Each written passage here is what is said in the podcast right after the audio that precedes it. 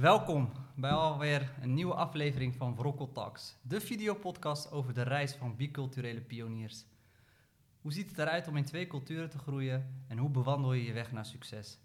Dit is een vraag die wij hardop stellen aan meerdere gasten. Mijn naam is Enes Mesiane, ik ben de oprichter van Vrokkel en ik ben jullie host voor vandaag en ik zit hier vandaag met mijn co-host. Savanja en eh, ik ben radioreporter bij Vanix en eh, daarnaast ben ik ook nog wenkbrauwstylist. Kijk. En we zitten hier met niemand minder dan Gus de Yilmaz, a.k.a. de vloggende recruiter. Welkom. Nou, dank je. Hoe is het? Dank voor de uitnodiging. Ja. Ja, goed. Druk. Drukke dag gehad. Ja? Ja, en na werk eh, meteen eh, gevlucht naar Marokko. Naar Marokko, ja. Ja, Marokko. Ja. Ja. Het is nog een beetje wennen, hè? Ja. Ik, eh, ik merk het wel vaker hoor. Komt eh, uit het Surinaams. Dat betekent eh, werken voor Surinaams. ja. En hier in Rotterdam betekent het ook voor alle jongeren, of je nou Ja. hoog, laag, praktisch ja. opgeleid bent of schoolverlater, betekent het werken. Het gekke is, is dat ik dat woord wel in mijn jeugd vaak heb gehoord, maar dan de laatste vijf jaar niet meer, eh, niks, niet meer te Ja. maken heb gehad. Ja. Nou, dan is dit misschien weer een duik in je jeugd. Ja. dat gaan we ook zeker doen vandaag. We zijn namelijk heel erg benieuwd eh, ja, wie je bent natuurlijk. Dus misschien kun je even kort introduceren eh, ja, bij onze kijkers en luisteraars. Ja, nou, ik ben Gus de Yilmaz, oftewel de vloggende recruiter. Ehm, geen vlogger op YouTube. Ik ben geen YouTuber. Dat doe ik vooral op LinkedIn. Eh 31 jaar, ehm, getrouwd sinds twee jaar. Ehm, geen kinderen. Eh, ja, wonend in. Ik voel me Rotterdammer. Eh, want drie jaar geleden ben ik verhuisd naar Schiedam. Maar dat zie ik ook wel als een Rotte, toch, toch wel als een Rotterdamse, eh, ja, toch wel als Rotterdam. Ehm, dus ja, en ik was elf toen ik naar Rotterdam kwam. Ja, ik kwam uit Istanbul, samen met mijn ouders en mijn broertje. oké. Ik was tien en mijn broertje was acht. Ja. Ehm, ja, en er zijn dus twee eh, steden in de wereld waar ik verliefd op ben. Istanbul en Rotterdam. En als je echt moest kiezen tussen die twee? Moeilijk. Daar heb ik toevallig ook een keer over gepost op LinkedIn. Ja. Eh, ehm, ja, het is heel moeilijk om te zeggen eh, of het nou Istanbul is of Rotterdam. Maar ehm, het is toch wel ehm, eh, the places where your beloveds are, Ja, zeg ik ja, altijd. ja. Dus weet je, en mijn ouders zijn hier, mijn broertje is hier. Ja. Ik ben sinds vier maanden eh, ook tante geworden voor het eerst. Gefeliciteerd. Ja, Dankjewel. leuk. Dus ja, Oké. toch wel Rotterdam nu. Ja, Ja, ja, want dus ik- gewoon meer waar de mensen zijn wa- waarvan je houdt, Ja. zeg maar. Ja. ja. Van die stad. Want ik ben zelf ook in Istanbul geweest, eh, twee keer zelfs. En ja, het is echt een geweldige stad. Ja. Dus lekker eten. Ja, de mensen zijn super vriendelijk. Ja. Het is heel vredig ook. al- best wel goed geregeld. En het bruist er, het leeft er ook. eh. dus ik kan me voorstellen dat als je op je elfde van zo'n wereldstad, een hectische stad, en dan, ja, met alle respect naar Rotterdam, het is, ja, denk ik nog niet. Hè, om even in, dingen in perspectief te zetten. In Istanbul wonen er volgens mij 16 miljoen mensen. En in heel Nederland wonen er ook 16 Ja. miljoen Ja. mensen. Dus dat is to put things in perspective. Eh, maar hoe was dat voor je toen je eh, ja, uit zo'n wereldstad naar eh, het Rotterdamse kwam? Een hele goede vraag. maar daar heb ik best wel simpel antwoord op. Omdat ik, ja, ik was 10, 11 toen ik naar Nederland kwam. Maar, ehm, en inderdaad, Istanbul is ook een grote stad. Alleen, ja, ik was toch daar een kind die Hm. niet veel meekreeg van de drukke, grote stad. Want ik was gewoon onderweg naar school. Eh, dus ik kreeg het niet veel mee. Tuurlijk woonde ik in een hele drukke wijk. En weet je, het, was, het is drukker dan Rotterdam.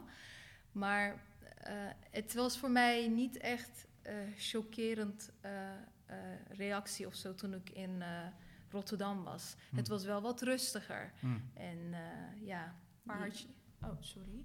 Eh, had je dan niet moeite met wennen aan een nieuwe cultuur, zeg maar? Ondanks dat het misschien wel eh, qua drukte Hm. eigenlijk niet echt verschil was?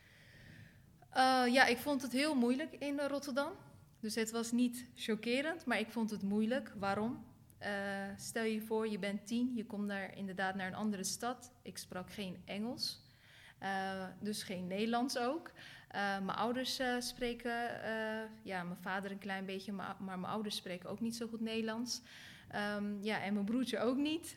Niks. Ja. En ja, je, je, je bent daar, weet je. Je bent in Rotterdam. En dat was wel moeilijk om te wennen. Het heeft mij ja, ruim wel vijf, zes jaar gekost om zonder moeite over mijn, ja, eh, ja, om over mijn gevoelens te praten. Om over, eh, Hmm. eh, ja, om, om- ik was altijd op zoek naar de juiste woorden. En ik merk wel dat dat van die tijd nu nog steeds er is. Weet je, je bent continu bezig in je hoofd met, ja, weet je, proberen goede zinnen te maken, jezelf duidelijk te kunnen omschrijven. Ehm, en ja, het was moeilijk. En ja, ik was met mijn broertje hier eh, in Rotterdam op de basisschool. Want wel- in welke Eh, groep kwam je te zitten? Toen Ik je... kwam in groep zes, paar maanden en daarna eigenlijk zeven. Dus ik heb groep zeven en groep acht meegemaakt. Eh, mijn broertje liep, omdat hij wat jonger was, iets minder daar tegenaan. Ehm, maar ik vond het heel moeilijk. Ehm, ja, gepest, geplaagd ben ik ook. Kijk, ik ben, ik ben geplaagd, ik ben Ja. gepest. Want waar, waar kwam je in Rotterdam te wonen? Misschien ook wel. Ehm Krooswijk. hey, dat is Ja, onze buurt. Ja. Ja, maar daar heb je nog best wel een grote Turkse community. Turkse bakken, Turkse slagen, Turkse Ja. supermarkt. Hielp dat wel om toch wel een soort van ja, mensen te hebben waarmee je althans nog wel Ja. gewoon verstaanbaar kunt? Ja, Maar- eerste paar jaartjes heb ik gewoond op de Admiraal de Rijterweg. Dat is eigenlijk niet ver van Krooswijk, Ja. eh, Krooswijk vandaan. Nee. Het is Rotterdam-Noord en het is een paar minuten lopen naar eh, Krooswijk. Eh, ik snap je vraag, maar nee. mijn, mijn vader, het is echt een man die gefocust is op educatie. Hij heeft eh, zelf niet eh, ver kunnen studeren. Mhm. En dat wilde hij heel graag terugzien in zijn kinderen. En daarom is hij naar Nederland gekomen. Ehm, en eh, dus ons focus lag zo erg op educatie, studeren. Zo snel mogelijk zo Nederlands snel mo- leren. mogelijk Nederlands leren. Het is niet dat ik dan niet met een Turkse bakkerij in contact mocht komen. Of Nee. Verre van, weet je. Wij, wij gingen daar ook boodschappen doen. Eh, maar hij had een bepaalde zorg. En hij wilde dat ik zo snel mogelijk... eh, ook met Turkse kinderen uiteraard. Maar ook gewoon eh gemixt cultuur met iedereen Ja. ging opgroeien... om snel, zo snel mogelijk de Nederlandse taal te leren. Mhm. Ehm, ja, uiteindelijk heb ik het geleerd uiteraard. Maar die periode heeft wel veel impact op mijn leven gehad. Omdat, ja, weet je, je bent nooit gewend om, om, ja, ehm, om op die manier te leven. Mhm. Eh, ik kon alleen een beetje rekenen, zeg maar, in groep 7 Ja. en 8 en andere lessen. Ja. Ik vond geschiedenis altijd leuk, maar weet je, of allerlei andere soort vakken. Ik zeg nu geschiedenis, maar ook op middelbare school liep ik natuurlijk nog tegen de Nederlandse Ja. taal aan. Ik ging wel na basisschool naar internationale schakelklas, eerste jaar, waarin je dus extra uren Nederlandse taal Ja. eh, als les eh, kreeg. Mag ik je overigens even een compliment geven voor je Nederlands? Het feit dat je hier Ja, dank je. eh, vanaf je elfde bent gekomen, ik vind dat je echt heel goed Nederlands spreekt. Ja. Ik, zou, ik hoor het nauwelijks, dat je, Ja. of eigenlijk niet zelfs, dat je, Ja. dat, je, dat, niet, dat je niet hier geboren bent. Ja. Ja, want je gaf net ook aan dat je af en toe nog steeds moeite hebt met zinnen maken. Maar dat hoor je inderdaad gewoon Je niet komt wel terug. lekker... Maar in wat voor opzicht merk je dat dan nog bij jezelf? Of zit dat dan meer in je hoofd? In mijn hoofd, goede vraag. Ik ben een perfectionist. En ik moet het perfect doen. En daarom liep ik ook heel erg hard eh, tegen mezelf aan eh, achteraf. En in die periode. eh, ik heb zelfs ehm, ja, dagen gehad dat ik ging huilen in de eerste jaartjes. En dat ik tegen mijn vader zei.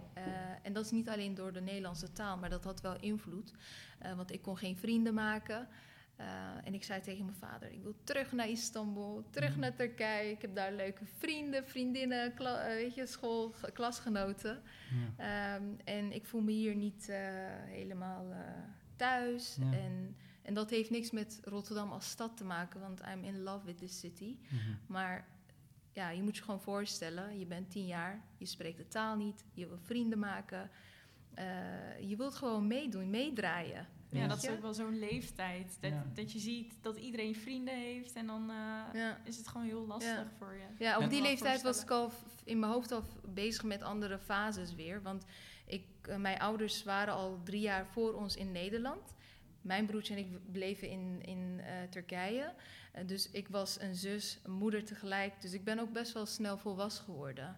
Ja, even terug naar die periode, Guste. Ehm, hoe heb je dat uiteindelijk weten om te zetten naar toch je plek weten te vinden? Ja. Wat, wat, was daarvoor, wat was voor die omschakeling nodig voor jou? ja, een hele goede vraag. Je zet me aan het denken.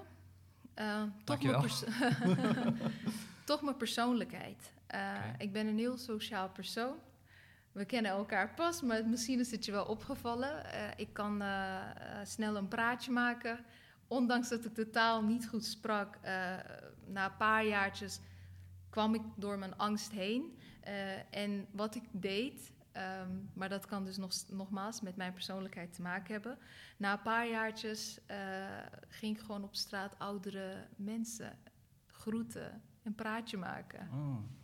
Maar Ik dat zijn ben- mensen die altijd zin hebben in een praatje. oude Precies. mensen. Ja, echt oprecht. Ik ging gewoon alle oude mannen en vrouwen die ik op straat zag eh, groeten. Heeft dat nooit eh, voor een bizarre situatie geleid? Ik zeg Eh, oude mannen. Ik denk, ja, dan zien ze zo, Nee, bijna zo'n nooit. jonge meid voor zich staan. Nee, bijna nooit. Goeie vraag, maar nee, bijna nooit. Ik vroeg dan, maar dit, dit, dit is wel een advies die ik van mijn ouders kreeg. Die Ja. zeiden, in Nederland is het gewoon heel normaal dat je de ouderen gewoon groet. Eh, weet je, in de ochtend ook gewoon goedemorgen zegt. En je krijgt altijd reactie terug. Dat Ja. waren mijn ouders gewend. Hun ervaring met Ja. Nederland was dat. Ja. En eh, dus, oh ja, dan, dan kan ik vrienden maken met hun eerst, Ja. weet je wel. Dus Ja. ik ging soort van eh, eh, mm, mijn Nederlands praktiseren met eh, oudere mensen. Dus dat Mhm. was het moment geweest dat ik denk, denk ik dat ik over mijn angst heen kwam. Ja. En dat ik gewoon echt durfde mensen aan te spreken. Ja. En ehm, ik vind het wel eh, mooi dat je dat ook gewoon durft eh, en het advies ook hebt gekregen. Maar kun je eens ook toch nog iets meer vertellen over de Turkse cultuur, die jou toch ook wel eh, tot een bepaalde levensjaar, en ik denk nu nog steeds overigens, heeft gevormd? Wat, heeft, wat heb je bijvoorbeeld echt van je ouders meegekregen? Of wat, wat hou je echt over van, nou ja, dit is echt, dit heb ik van Turkije of uit de Turkse cultuur? Ja. Ja, goede vraag. Ik eh, vind het enerzijds makkelijk, maar anderzijds moeilijk om te beantwoorden. Want ja, toch wel eh, ja, mijn geloof ergens. Mhm. Eh, mijn religie, mijn geloof, hoe je het ook wil noemen. Ja, mijn opvoeding. Ehm, mijn vader hecht gewoon heel erg waarde aan educatie. Ik wil niet zeggen dat het gewoon net een brainwash of zo, maar het is gewoon, hij heeft het zelf niet kunnen doen op de manier dat hij het wilde doen. Hij, hij komt uit een eh, arme familie. Ehm, eh, ja, en ik, bij ons was, eh, in, in mijn opvoeding lag de focus heel vaak op ja, educatie.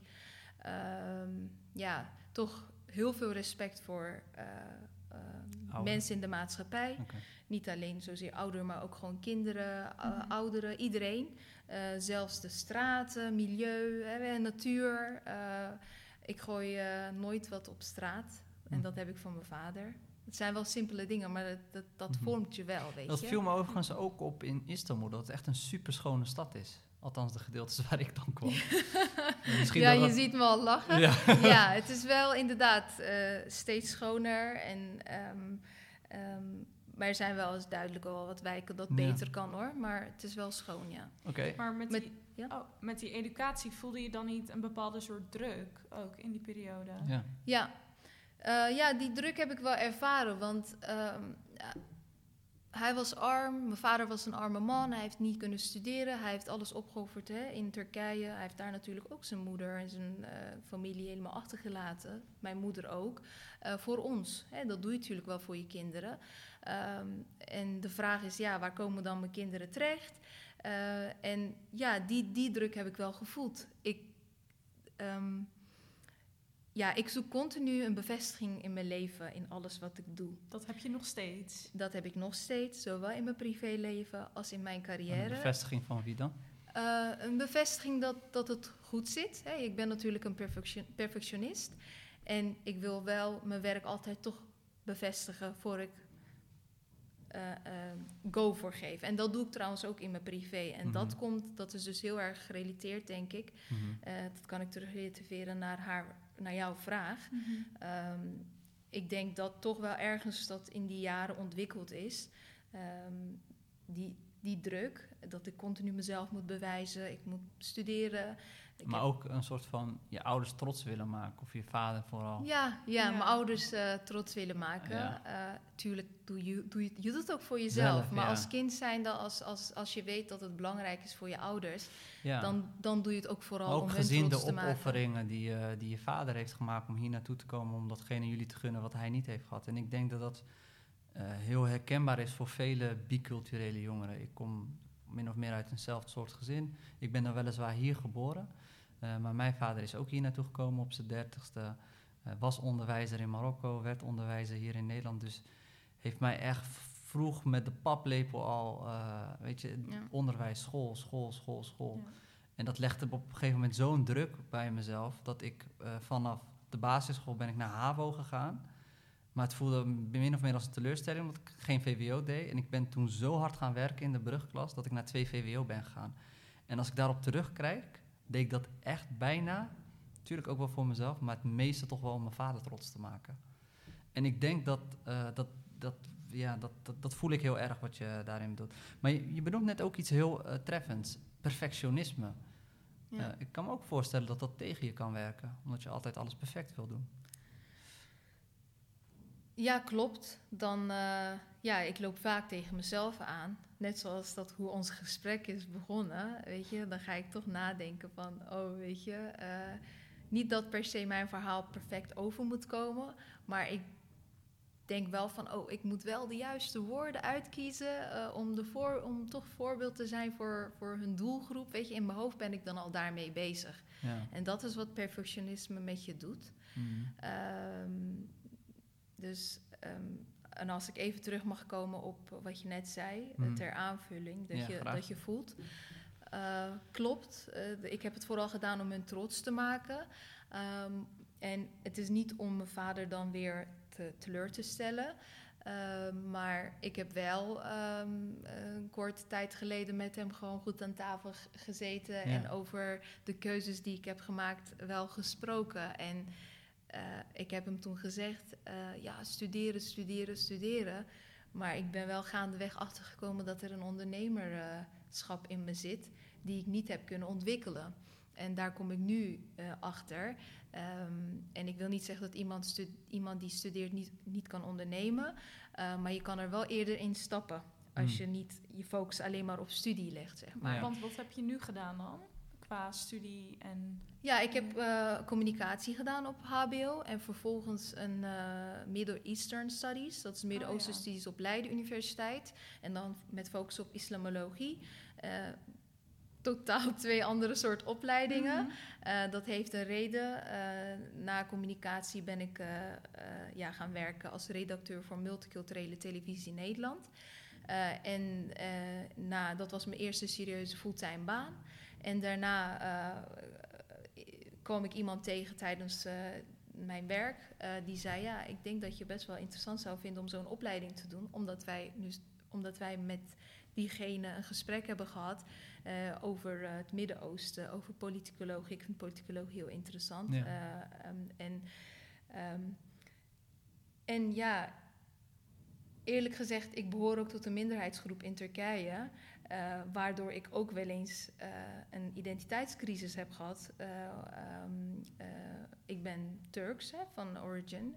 en ja, binnen de Turkse gemeenschap onderling heb je ook verschillen, zowel in religie als in, Super in divers. ja, Ja. etniciteit. Dat heb je misschien in Istanbul ook al eh, Ja. gezien, maar ook in de historie van, van Turkije, zeg maar. Ja, maar ik vind ook vaak dat, dat, zeg maar, dat hele diversiteitsdebat is, is, is te simplistisch. We hebben Marokkanen, we hebben Turken, eh, mensen met een kleur. Maar binnen die gemeenschap heb je nog zoveel diversiteit. Van tijd tot tijd heb ik wel eens dus ook identiteitscrisis gehad. En wat houdt dat dan in? Want je hoort natuurlijk wel vaker Ja, identiteitscrisis, het is een, eh, maar dat beetje je een echt een breakdown of ja. zo krijgt. Maar nee, niet echt een breakdown. dat? Ik heb niet echt een breakdown gehad, maar Mhm. de, de, de cultuur tot, ik, tot waar ik behoor en de religie, tak waar ik tot door in Ja. Turkije.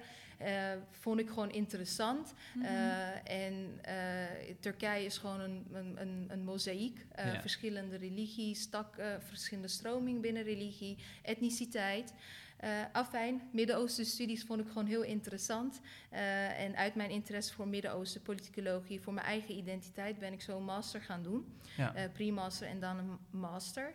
Ja. Eh, zodoende heb ik dus ook eh, dromen van mijn vader waar kunnen maken. Ik heb mijn universiteit afgerond. Zo, Eh, groot feest gevierd? Ja, ja, ja, ja, was zeker een grote feest. Het geldt ook voor mijn broertje, die is ook universitair afgestudeerd. Dus Ja. hij is zeker trots. Ook mijn moeder is heel erg trots.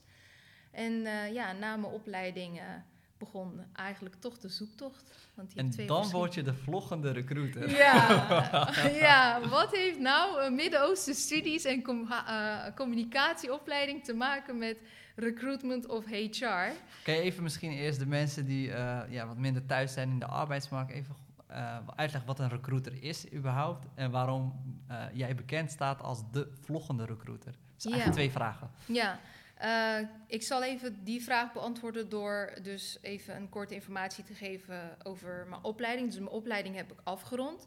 Ik kon na zo'n opleiding met een communicatieachtergrond en mediaervaring en dan zo'n master of in de media terecht of bijvoorbeeld bij de gemeentes. Ja. Eh, en uiteindelijk ehm, heb ik verschillende eh, jobs gehad, ehm, eh, omdat ik een beetje zoek was naar mijn master. Eh, ik ben nu 31 jaar en sinds mijn eh 21ste hielp ik eh, jongeren aan baan, eh young professionals aan, aan een baan, st- stagiaires aan stage. Hoe Omdat deed ik, je dat? omdat ik een breed netwerk eh, had. Oh. Eh, ik zat in de media, ik heb een bepaalde netwerk kunnen opbouwen. Dus mensen wisten dat ze bij mij moesten zijn als ze Als een ze- baan of Als stage ze een zochten. nodig hebben. Ja, echt. Dat kan je wel zeggen, ja. Ja. Maar ik wist niet dat, dat, dat je ook daar een baan van kon hebben, zeg maar. Eh, dus om dan direct antwoord op je te geven, ja, recruiter. ehm, Nou, wat doet ik wil niet al te veel eh, filosofisch zijn, maar voor mij is het niet meer of minder dan een verbinder. Eh, en voor de mensen die dan niet in dat vak zitten, ja, je hebt binnen de arbeidsmarkt, je hebt binnen verschillende bedrijven heb je heel veel afdelingen, waaronder dus HR. Eh, Human and Resource Management. Eh, daar, daar doen ze gewoon de, eh, de eh, hele beleid eigenlijk Ja. eh, van de arbeidsmarktcommunicatie. Personeel en organisatie. Ja, personeel Ja. en organisatie, kortom. Ja. Eh, recruiter behoorde, mm, naar mijn mening, tot een paar jaar geleden tot HR. Ja. Eh, en nu is het echt wel een onderdeel van eh, marketing en branding samen met HR. Want een recruiter eh, is vaak toch iemand eh, die een kandidaat moet werven, ja, moet, gaat Ja, werven, werven. Voor, voor de organisatie Ja. waar hij of zij Dus voor met andere werkt. woorden, de organisatie heeft vacatures, functies vakant staan. En Ja. de recruiter die zorgt ervoor dat er genoeg sollicitanten, genoeg mensen zijn die één, die vacature op, op hun radar hebben en twee, er uiteindelijk ook voor reageren. Ja, recruit, ja, recruiter zorgt ervoor dat eigenlijk alle vacatures vervuld worden. Ja. Betekent dat ook Ja. dat je zelf sollicitatiegesprekken afneemt? Eh, ja, Oké. Ja, en hoe doet- vind je dat? Want dan ben je opeens, eh, dan moet ik opeens lief zijn tegen jou om eh, bij jou te mogen werken. Nee, je moet vooral jezelf zijn. Oké. Niet alleen bij mij, bij alle recruiters die je spreekt, maar ook bij alle hiring managers. En wat ik daarmee bedoel, vaak is recruiter de eerste persoon die je spreekt wanneer je solliciteert. Eh, en ehm, dat is vaak ook wel een kennismaking. Die geeft dan informatie over het bedrijf waar je voor werkt, cultuur. Die kijkt ook niet alleen naar inhoudelijke eh, match, maar ook heel erg persoonlijke match. Hebben we een cultural fit met de Mhm. organisatie? En ehm, als daarna de kandidaat door is naar de volgende stap, dan komt het vaak gesprek met een hi- hiring manager. Het is per organisatie af, eh, eh, het verschilt per organisatie. Maar ik adviseer echt alle potentiële kandidaten, en wij allemaal zijn wel potentiële kandidaten, gewoon jezelf te zijn en niet lief. Ja. En je zei dat je eh, met jouw opleidingsachtergrond terecht in de media of de gemeente kon komen. In welke branche werk je nu? Het is natuurlijk, je bent een recruiter, maar voor welke branche doe je dat? Of doe je dat voor verschillende branches mensen werven? Ja, dat is een goede vraag. Ik eh, ben een IT-recruiter, dus ik doe het voor de ICT. IT dan Engelse eh, Ja. term. Mhm. Oké. Uh, en je hebt natuurlijk recruiters voor meerdere branches. Je hebt een recruiter uh, bij gemeente Rotterdam, maar je hebt ook een recruiter bij een commerciële bedrijf, bij een softwarebedrijf. Mhm. Uh, je hebt een techniekrecruiter, zorgrecruiter, IT-recruiter, finance recruiter. Ja. Van alles. We get. Ja. En, en, en als, als je, ehm, je zegt net, hè, gewoon jezelf zijn. Eh, dat is, klinkt gewoon ook makkelijker soms dan dat het is. Hè. Eh, eh, bij Verokko begeleiden wij ook eh, jonge biculturele talenten met het scoren van hun droombaan. Dus wij geven trainingen. En uit ervaring weet ik dat heel veel mensen niet eens weten wie ze zelf zijn. Op, het moment dat er echt naar gevraagd wordt. Dus wat maakt jou wie je bent? Wat zijn je sterkpunten? Wat zijn je ontwikkelpunten? Et cetera, et cetera. Uh, waar haak jij of waar knap jij uh, tijdens zo'n gesprek echt op af? Wanneer is het echt een no-go voor jou? Met een kandidaat aan ja, tafel? Ja. Um, ja, op persoonlijk vlak uh, is het voor mij als recruiter, nu moet ik heel erg oppassen met wat ik zeg, anders heb ik morgen op LinkedIn uh, allemaal berichtjes. Op persoonlijk vlak is het voor mij echt een no-go um, als, um, ja, als de kandidaat toch voor welke reden dan ook niet interesse toont. Als ik doorheb dat hij heeft gesolliciteerd omdat hij aan, even aan een baan moet komen, is het voor mij snel no-go. Maar ik wil ook weer daarin niet hard zijn, want ik heb veel mensen mm. zo gehad of gesproken, ook soms voor goodwill, los van mijn uh, baan als recruiter. Uh, en uh, vaak heb ik dan ook een adviserend gesprek gevoerd ja. en toch leuk afgesloten, ja. want je moet niet zomaar iemand afwijzen. Ja. En je argumentatie moet. Heel goed, ja, altijd feedback geven. Maar als je dan zegt geen interesse, als diegene geen interesse heeft, wat doet hij dan niet? Wat laat hij dan niet zien? Of wat, uh, wat een kandidaat vraagt. Ik, voor mij, kijk, voor elke recruiter is het anders. Elke recruiter heeft zijn eigen manier van werken. Voor mij is het heel erg. Voor mij, ik, wat ik zelf snel merk, dat interesse waar je over hebt. Als die niet doorvraagt naar collega's, naar teams, uh, met wat voor team die gaat werken, uh, naar de organisatie. En als die bijvoorbeeld al meteen in de eerste gesprek over salaris heeft bijvoorbeeld. Ja. En daar is niks mis mee, hè. Ik adviseer iedereen om uh, in, de eerste, in het eerste gesprek om daarover te beginnen. Why not, weet je? Ja. Dus laten we eerlijk zijn, je, je gaat werken en je maar gaat je zegt geld wel, verdienen. als hij dat doet, is dat wel een afknapper. Uh, maar niet meteen in je eerste 15 minuten. Ja, terwijl je al een Ja. ruim een uur met elkaar hebt of half uur. Ja, Hè? Uh, ja. Ga wel dat als een praktische zaak aan het eind bespreken. Ja, Uh, toon oprecht interesse. ja. Uh, en als een recruiter ziet uh, dat je die interesse toont... en die interesse toon je door dus goed door te vragen. ja.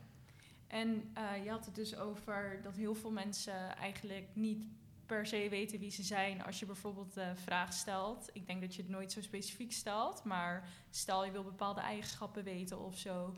Wat zou zo'n persoon dan moeten doen om zichzelf beter te leren kennen? Want je had het ook over dat je zelf wel eens identiteitscrisis hebt gehad. Ja. Hoe ben jij er eigenlijk achter gekomen en wat voor Ja. Um, ik uh, stel uh, tijdens zo'n gesprek, uh, inderdaad, je stelt niet van wie ben jij, vertel wat, wat Nee. iets meer over jezelf. Dat is niet, ik vind, ik vind niet dat, het, het zijn goede vraagstellingen, maar toch wel weer lastig voor de kandidaat, merk ik. Ja, ik, ik, net zoals jullie ga ik eigenlijk een open gesprek aan. Uh, Eigenlijk zeg je dat wij recruiters moeten worden. ja, jullie zouden wel hele goede recruiters zijn, want jullie, jullie stellen mij wel hele goede vragen. Jullie, ze, Ja. jullie zetten mij aan het denken. Ehm, en het is ook niet erg dat een recruiter. power? eh, jullie, en het is, het, het is ook niet erg dat een recruiter eh, een kandidaat ook aan het denken zet. Maar ik, ik geef vaak de voorkeur om een, een, eh, een, eh, niet alleen een bepaalde eh, eigenschap in het cv te zien, maar ik vraag gewoon door over de persoonlijke situatie. Ja. En vanuit daar kom je eigenlijk al uh, achter wat de interesses zijn. Soms kom je ook achter dat de kandidaat ja, weet je, helemaal niet geïnteresseerd is. Omdat hij dus niet weet. Maar daar kom je echt wel achter door persoonlijke vragen te stellen. Ja. Als een recruiter oprecht interesse toont in, in een, ja, in, toch in een leven van een kandidaat, die dan meer moeite heeft met zijn of haar identiteit, dan komt echt wel na een tijd in het gesprek wel los. Wel persoonlijk beginnen dan, niet meteen Ja. al eh, wat kan je en wat Ja. kan je niet. Nee. Maar ik denk dat eh, eh, voor elke recruiter die, die nu luistert, dat dit ja, best wel eh, als, als eh, ja, eh, hoe zeg je dat? Herkenbaar? herkenbaar klinkt. Maar wat jou denk ik anders dan anderen maakt, is het feit dat je ook veel vlogt. Ja. Kun je ons eh, meenemen in hoe dat is begonnen en wat dat, ja, hoe is dat begonnen? Ja, ehm, ik had jullie natuurlijk verteld dat ik eh, geen HR-achtergrond heb, geen recruiter-achtergrond heb. Eh, ik, ben, eh, ik heb vaak in de media gewerkt eh, en sinds mijn 21ste, en nu ben ik 31, ruim 10 jaar eh, heb ik eh, eh, mijn netwerk opgebouwd. Ehm, veel, veel eh, eh, studenten geholpen aan stage, eh young professionals aan baan, omdat ik dus een breder netwerk had. Mensen wisten mij te vinden. Hé, hey, mijn buurjongen is op zoek naar een stage, kan je hem verder helpen? Zo ging het door. Dus ik heb voor Goodwill heel veel mensen geholpen aan een baan. Eh, normaal ben ik bescheiden, maar dit zeg ik wel met alle trots. Want je maakt toch impact in het leven van mensen. Maar dat is niet mijn baan, hè? het was allemaal voor Goodwill. Totdat drie jaar geleden een vriend van mij die in Dublin woont, hij is acht jaar geleden verhuisd naar Dublin, eh, tegen mij zei: Waarom werk je niet voor LinkedIn? Je bent zo actief op LinkedIn en social media eh, in het Mhm. algemeen. Eh, en die vindt het platform zo leuk.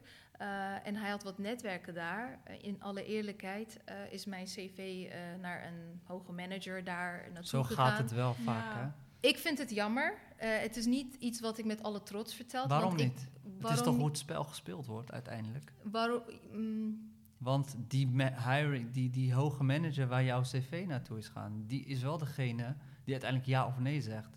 Dus waarom zou je je daar een soort van moeten voor verontschuldigen of zo? Eh, klopt. Alleen ehm, omdat. Oké, ik ben wel gerefereerd, inderdaad. en dus zo gaat aangedragen, het. zo ja, werkt het toch? Ja, Ja. ja, aanbeveling, aange- aangedragen, inderdaad. Zo werkt het wel. Maar aan de andere kant, weet je, dan gaat het wel te makkelijk voor mijn gevoel. Ik wil wel moeite doen voor iets. Maar dat is misschien weer een persoonlijkheid dingetje. Afijn, hij heeft mijn cv doorgestuurd naar, naar, eh, naar, via die manager naar LinkedIn. Ehm, en ja, de bedrijven als LinkedIn, Facebook. Google, Apple, dat Lijkt zijn, echt geweldig. ja, man. Ja. maar het zijn ook waar mensen vijf, waar op één rol 500 man eh, Ja. soms solliciteert. Ja. Nou, ik zat dus ehm, eh, vier maanden lang in sollicitatieproces, ruim drie, drieënhalf jaar geleden. Eh, vier maanden lang, de- bij zulke bedrijven duurt het gewoon wat langer. En ik heb vier gesprekken gehad. Eh, tot, de laatste vier, tot de vierde gesprek gekomen. En de laatste, het laatste gesprek was met vier manager, drie managers. Eh, die hebben tegen mij gezegd: Doe wat meer ervaring op met recruitment, eventueel met eh, sales slash recruitment. Ehm, eh, en dan staan de deuren van LinkedIn voor jou open. En als ik aangenomen zou zijn, zou ik verhuizen naar Dublin. Het was, geen, Mm. het was niet voor een rol in Nederland. Maar ja, ik werd afgewezen. Dus je gaat niet elk jaar in je, in je leven een plan maken om naar een te land of ja. stad te verhuizen. Ehm, dus ik zei bedankt. Dat is goed om te horen. Eh, en waarom ze wel hebben gezegd de deuren staan voor jou open, is door mijn kennis van het platform van LinkedIn, mijn Mhm. passie. En dat ik zoveel jongeren heb geholpen om een LinkedIn-profiel aan te maken. Dat Mm. verhaal vonden ze heel mooi om te horen. Ja. Eh, dan ben je toch wel een soort ambassador, zeg maar. Ja. Ambassadeur. En, en, en is, is dat de reden waarom je bent gaan vloggen dan? Nee. Ehm, daarna zei ik tegen die vriend van mij, je zei dat ik voor LinkedIn moest werken, maar ja, ik ben niet aangenomen. En het was eh, voor een rol als Business Development Executive. Dus dan zou je meer met bedrijven in Nederland bezig zijn, et cetera. En eh, een soort van leads genereren. Ik zei, ja, wat moet ik dan doen? Eh, en het, was een, het, was een, het is een soort life coach voor mij. Hij zei tegen mij, je bent goed in, je hebt ervaring in media, je bent goed in netwerken, je bent een verbinder, dan ga je gewoon eh, werken als recruiter. Maar je gaat wel je social skills, je me- media skills daarvoor eh, inzetten, gebruiken. Mag ik heel even voordat we daarop eh, verder op ingaan? Je zegt iets heel treffends. een life coach. Ja. Hoe, hoezo een life coach en wat heeft dat jou opgebracht? Hij is niet offi- officieel, hij is Nee, niet officieel mijn life coach, maar ik zie hem als een soort life coach, omdat ik denk dat in de loop van de toekomst steeds meer jongeren, misschien ook zeker ook wel oudere, hoge managers, et cetera, allemaal wel life coach nodig zullen hebben. Want eh, het is eh, toch wel een wereld waar we heel druk bezig zijn met van alles en nog wat. We zijn continu zoekend. ehm, eh, en, eh, ja, en dan staat zo'n life coach tegenover je en die, die moet jou dan even toch een spiegel voorhouden en aangeven: daar ben je goed in, daar ben je goed in, eh, hier heb je passie voor. Ga dat maar even, eh, eh, hoe zeg je dat? Ga dat maar even mixen met elkaar Hmm. en kom dan tot een kern. Eigenlijk heeft hij ook zo'n advies gegeven aan mij. En toen dacht ik, weet je wat, ik ga als recruiter werken, want dat deed ik al als het ware, omdat Ja. ik voor Goodwill mensen Mhm. ging helpen aan baan. Dan verdien ik ook mijn geld ermee, dus ik ga er een baan van maken. Eh, maar ik ga wel vloggen. En dat vloggen komt wel door mijn media-achtergrond. Ja, want ja. ik werkte als redacteur, ik werkte ook als een presentatrice voor een lokale omroep hier in Rotterdam. Ja. Ehm, laatst zei mijn man, dit zeg ik voor het eerst, tegen mij. Primeur. Ja. Eh, dat was een paar weken geleden. Hij zei tegen mij eh, dat ik toch niet zo creatief ben. Want mensen kennen mij als een creatieve meisje, Ja. dame, hè, Ja. 31 jaar. ik ben niet meer meisje. Meisje. Ehm, Meisje mag wel van mij. ja. Ik zei, hoezo dat dan? Hij zei, ehm, nee, ik vind je wel creatief hoor, maar wat ik ermee wil zeggen is, je zegt, je zegt zelf vaak tegen mensen, think out of the box. Eh, maar eigenlijk ben jij niet heel erg out of the box gegaan. Je bent een recruiter geworden, maar dat is het verbinden deed je al. Je stond al voor de camera. Je hebt alleen beide eh, skills van je ehm, Uit je comfortzone. Ja, eh, gecombineerd In je comfortzone. in je comfortzone. Ja. Want het is voor veel mensen voor camera staan toch helemaal uit een comfortzone. Ja. Voor heel veel recruiters. Ja. Dus zeg, tegen, zeg me niet dat jij creatief bent. Ja. Of, eh, of als wat, mensen... wat ga je met dat advies doen? of althans, advies, hij heeft me echt aan het denken die- gezet, weet je dat? Hij heeft me echt aan het denken gezet en ik ben het ook met hem eens. Ehm, ik, ik ben niet out of the box gaan denken. Ik, ik ben een vloggende recruiter. Ik heb mezelf wel op die manier kunnen profileren. En dat vloggen heeft me ook een award gebracht. Ja, Dus of ik- kan je daar meer over vertellen? Ja, eh, in 2019 was ik uitgekozen. Gezondheid. Gezondheid. In 2019 ben ik uitgekozen tot eh, beste ICT-recruiter. Gefeliciteerd. Eh, dank je. Ehm, ik was tot nog een paar maanden geleden toch wel een beetje bescheiden daarover. Maar oké, ik ben er trots op, want het was wel echt hardworking. Eh en ehm, ik heb dat dus gekregen. Eh, het jurylid zei tegen mij eh, dat ik dat kreeg, vooral omdat ik dus innovatief bezig ben geweest. Een, een, een nieuwe manier heb gebracht in de markt, in de recruitmentbranche. ja. Eh, dus Dat is toch creatief best wel out of the box als ik het zo... ja, Vergeleken met anderen wel, zeg maar vergeleken met wat je misschien al deed niet. Nee. Maar is dat altijd nodig, out of the box denken? Niet Ja. altijd, want je hebt Blijkbaar niet. twee dingen die Ja. jij leuk vindt, Ja. Dat, dat is precies wat ik ook dacht. Want ik vind dat hele out of the box, tuurlijk, het is goed. Het, is, het klinkt heel eh, sexy, out of the box. Maar als je gewoon goed bent in wat je doet en het gaat je makkelijk af. En je wint er ook nog eens een award mee. Waarom zou je out of the box moeten gaan dan? Ja, dat is een Of goede... is, is out of the box een doel op zichzelf of is het een middel? ja, Volgens mij, in, mijn, eh, in, Ja, in sorry? mijn geval zou je het als een middel kunnen noemen. En Volgens mij hoort dat het ook te zijn. Ja, Mhm. maar het is misschien ook de maatschappij. Hè? Ja. Eh, de maatschappij waarin we leven. Eh, je bent een soort van uniek als je eh, toch out of the box kan denken. En je hebt wel gelijk dat ik in vergelijking tot misschien anderen en met hetgeen wat ik heb gedaan, eh, eh, alsnog innovatief en creatief ben geweest.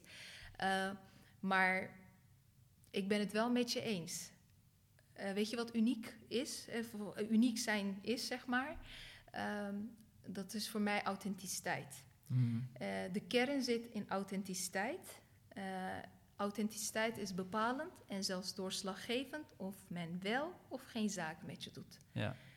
En ik ben uniek omdat ik authentiek ben. Ik durf mezelf kwetsbaar op te stellen.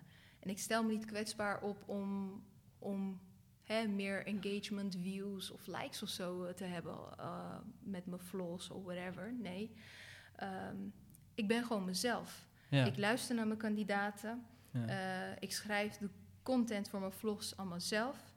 Het zijn vaak vakinhoudelijke vlogs. Soms met tussen, tussendoor wat met pers per persoonlijke verhalen er doorheen. Nog even dat je aan het schelden was. Vakinhoudelijk. Nee, nee, nee, nee, nee. nee. Oh ja, nou krijg je het. Nee, het is Nee. vakinhoudelijk. Nee, het is vakinhoudelijk. Het zijn al vaak vakinhoudelijke video's. Ja.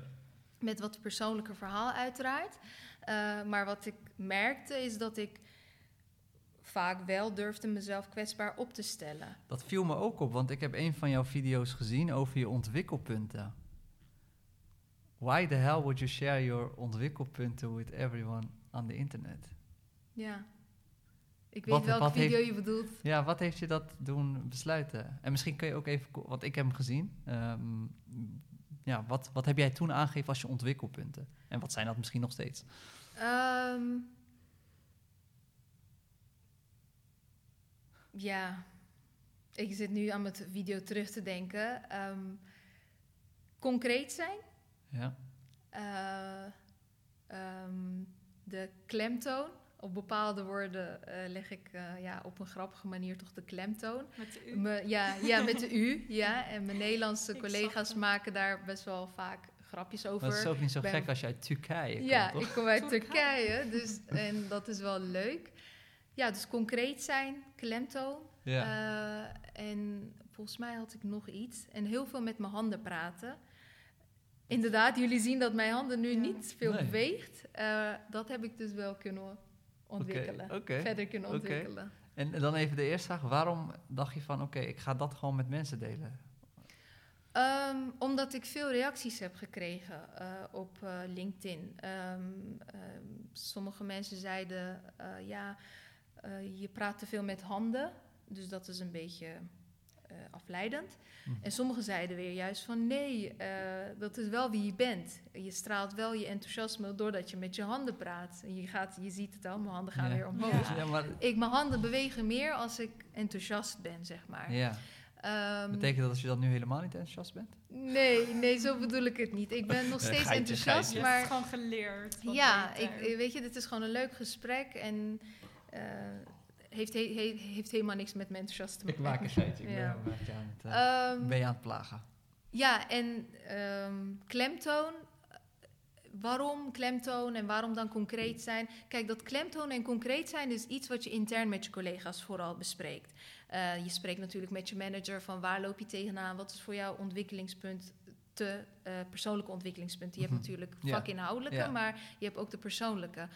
Eh, maar ik vind dat als ik onder een niche eh, doelgroep, IT-doelgroep is toch niche, eh, mezelf op deze manier eh, onder de aandacht breng, vind ik ook wel dat ze mogen weten wie eh, de persoon erachter zit. Ja. Eh, en vaak zijn ze ook wel geïnteresseerd inderdaad van eh, eh, naar wie je bent. Ja. Niet meteen in de eerste paar video's, maar op den dure bouw je ook een relatie op met je potentiële kandidaten. Ja.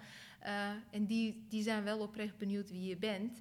Eh, en het is ook wel een stukje, eh, een stukje ja, een soort van geinig zijn, Ja. weet je wel. Je, Ja. je durft gewoon jezelf te zijn. Ja, maar ik denk ook wel dat dat... eh, is mij ooit mee, verteld door iemand.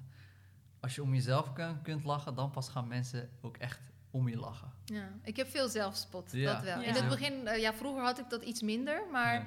Ik, ik heb dat eh, heel erg. Oké. Ja. En is dat ook belangrijk Of bij andere mensen bijvoorbeeld, die ook naar iets op zoek zijn? Dat Ehm, zelfspot en... Ja, Don't take yourself too serious. ja. Ja, maybe. Ik denk dat het heel erg afhankelijk is van wat je doet. Kijk, eh, wil je ook gaan vloggen voor je werk? Trouwens, je hoeft niet een recruiter te zijn om te vloggen.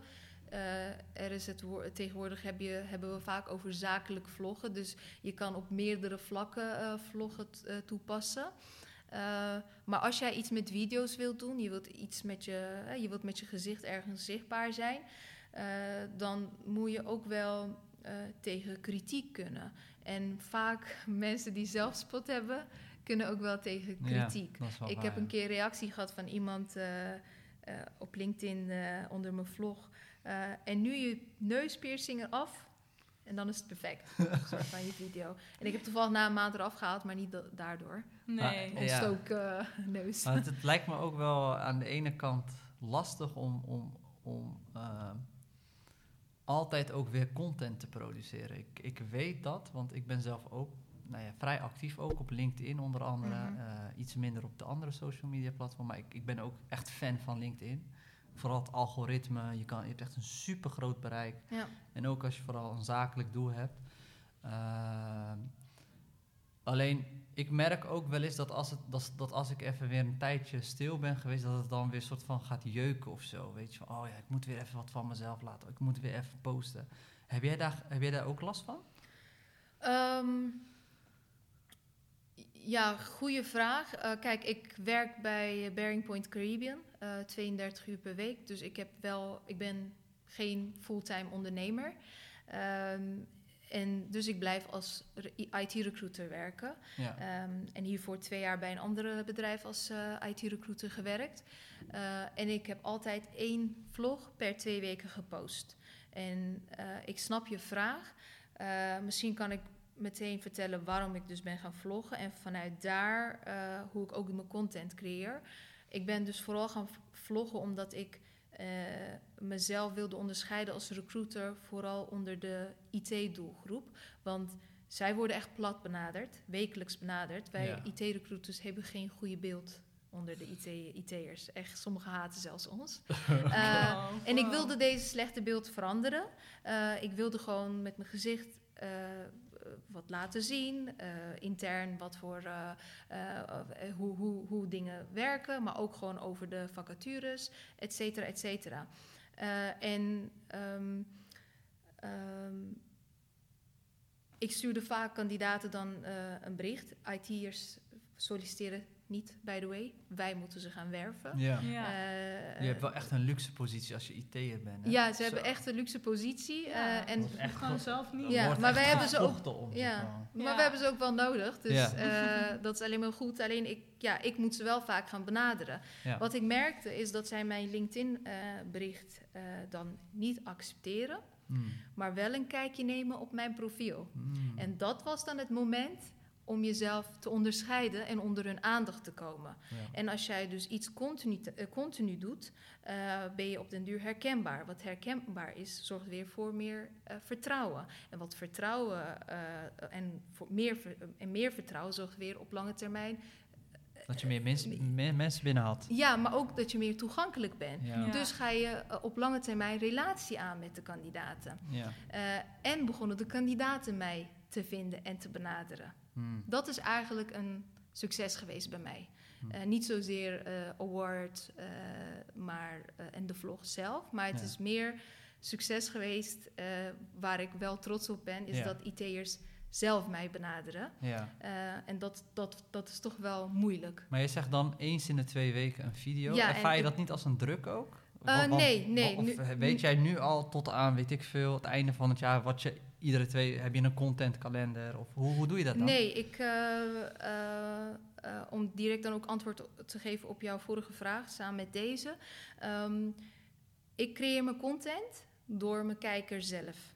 De kijker is mijn voeder. Ik, ik let goed op mijn reacties. Tijdens de interviews met kandidaten hoor ik heel goed wat ze zeggen. Ehm, ik heb bijvoorbeeld een vlog gemaakt over wat een smart CV is en hoe die eruit moet zien, oftewel een projecten-CV. Ehm, en dat komt omdat ik vaak aan de telefoon aan kandidaten moest uitleggen eh, dat ze een smart CV moesten hebben. Ja, Eh, en als je dat te vaak tegenkomt, wat doe je dan? Daar ga ik een vlog over maken. Ja. Ik post een vlog op LinkedIn en dan zie ik allerlei reacties. En die reacties geven mij weer een idee voor een nieuwe vlog. Eh, ik loop op straat en ik denk aan iets, oh, daar kan ik ook over vloggen. Ehm, en één keer per week, nee, dat legt geen druk op mij. Ik werk niet per se, sinds kort ben ik, eh, omdat ik nu als corporate recruiter werk en hiervoor, hiervoorheen was ik een bureau-recruiter. Daar werkte het wat anders, ehm, het vloggen.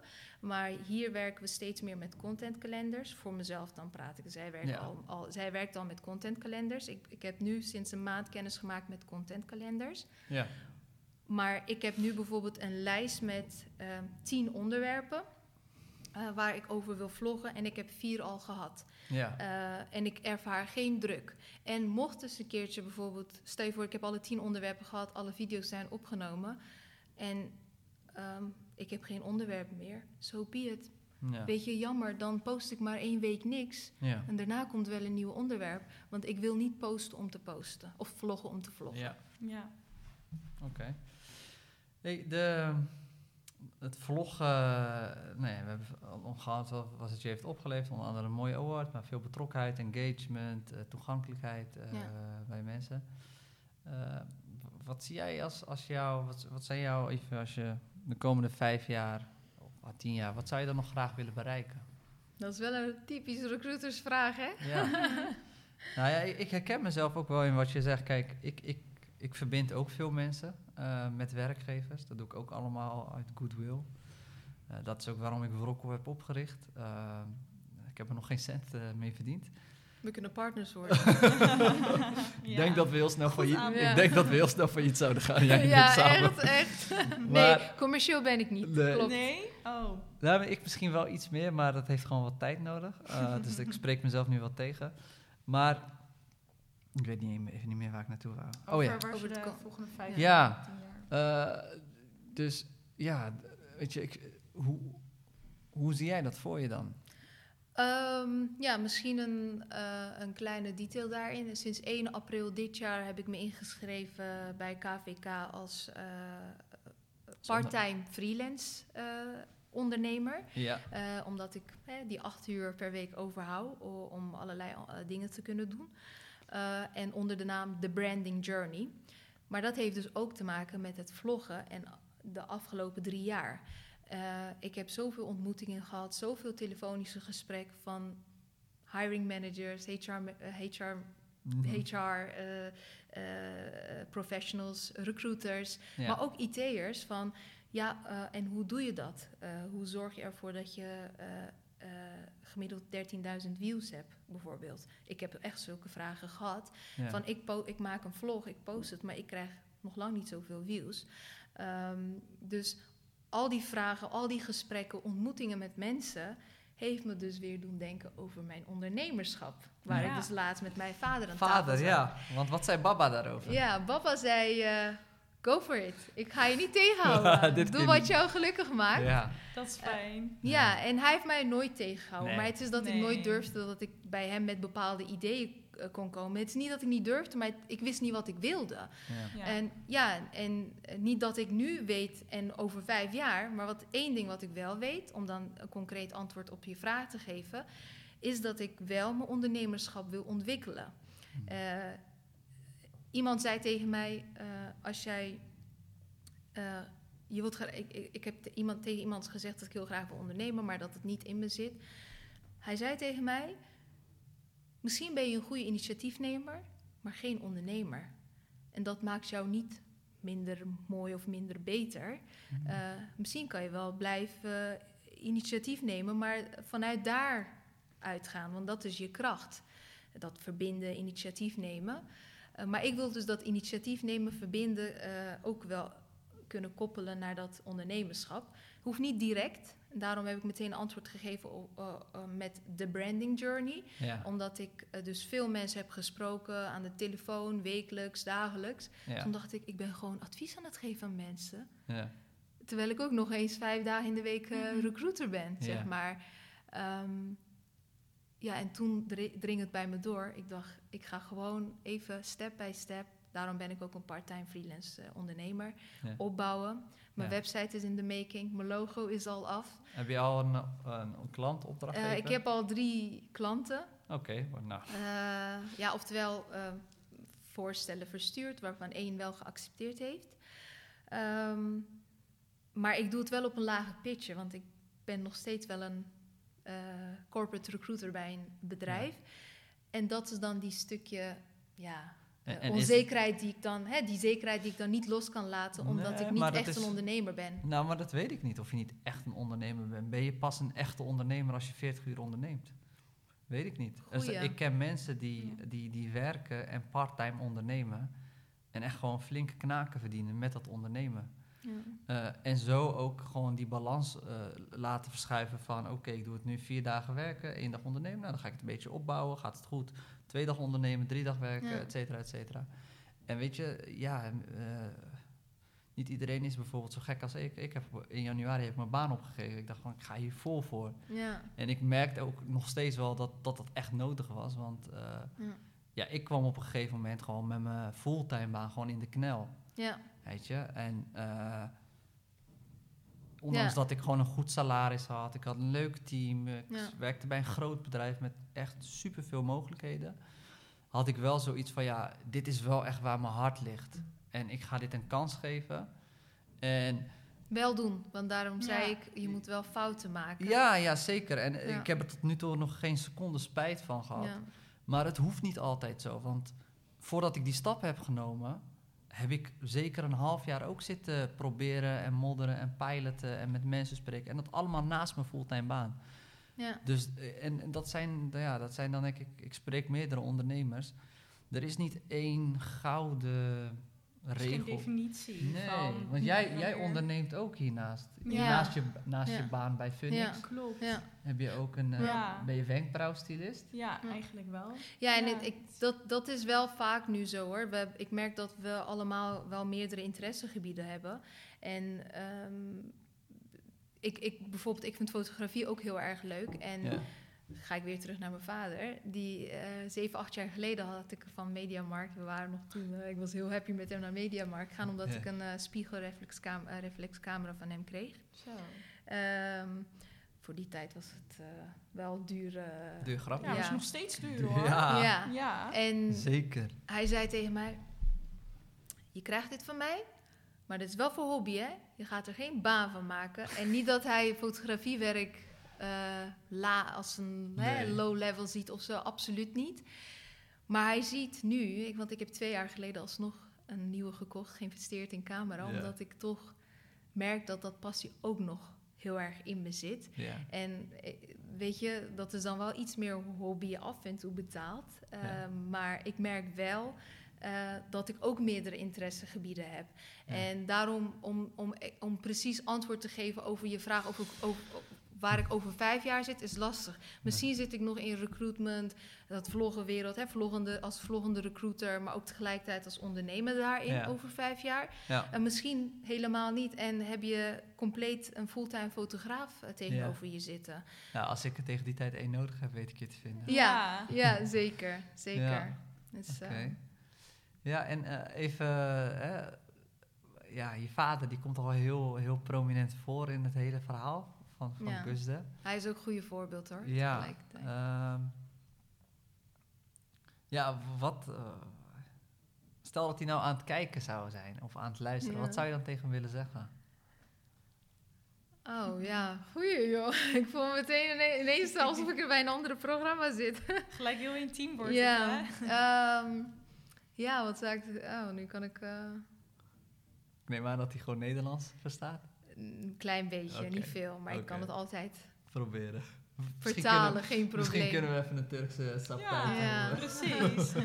Nee, ja, ik. ehm, ehm, nee, ik ben ook trots op hem, zeg Ja. maar. Hij, hij is trots op mij, maar ik ben ook trots op hem. Ik ben hem alsnog dankbaar dat hij mij deze toekomst hier heeft gegeven. Ja. Ja. We hadden ook in Turkije kunnen blijven en ik weet niet hoe het dan was geëindigd, zeg maar, Ja. qua studie en carrière. ja.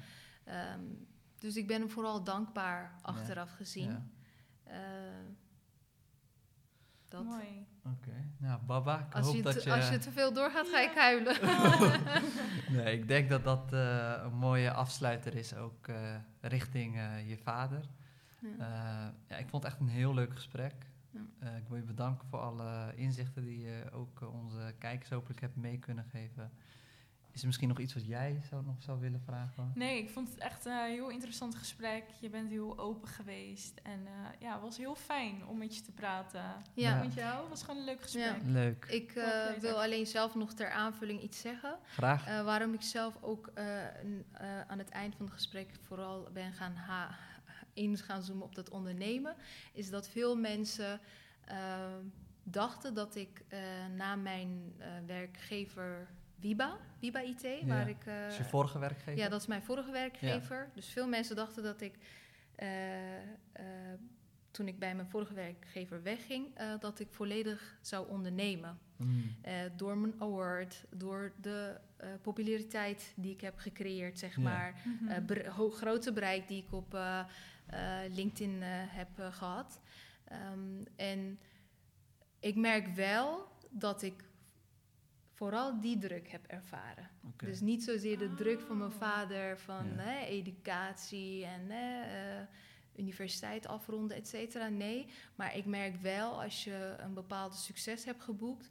dat grote- mensen gaan verwachten dat Ja. je nog meer succes en Ja. succes en dat je de- eigenlijk elk jaar weer een nieuwe award naar binnen sleept. Bij, figuurlijk. figuurlijk Letterlijk niet, maar nee. figuurlijk. Want Nee, het legt een bepaalde verwachting, het creëert een bepaald bepaalde verwacht- verwachting, ja. En ik, ja. ik vind het niet erg, dat houdt je scherp. Hmm. Die verwachting houdt je echt scherp. Eh, maar mijn tip eh, zal vooral eh, aan, aan jouw doelgroep, aan de jongeren die naar dit luisteren zijn. Mocht jij ook zo succesvol zijn uiteindelijk, een bepaalde bereik hebben in je leven, hè, grote bereik, et cetera. Ehm, maar bepaalde skills zitten niet in je of je moet nog ontwikkelen. Zet jezelf niet onder druk, eh, maar geef jezelf die tijd. Eh, work- en life balance is ook heel erg belangrijk. Eh, het is niet alleen maar werken, werken, werken en ondernemen, maar het is ook familie en alle andere, gezondheid, alle andere er- eromheen. Zeker, ik denk dat we dat ook wel hebben geleerd door deze afgelopen periode en de coronapandemie. Dat, dat het leven natuurlijk veel belangrijker is dan alleen maar eh, werken, werken, werken. Het zijn ook je naasten.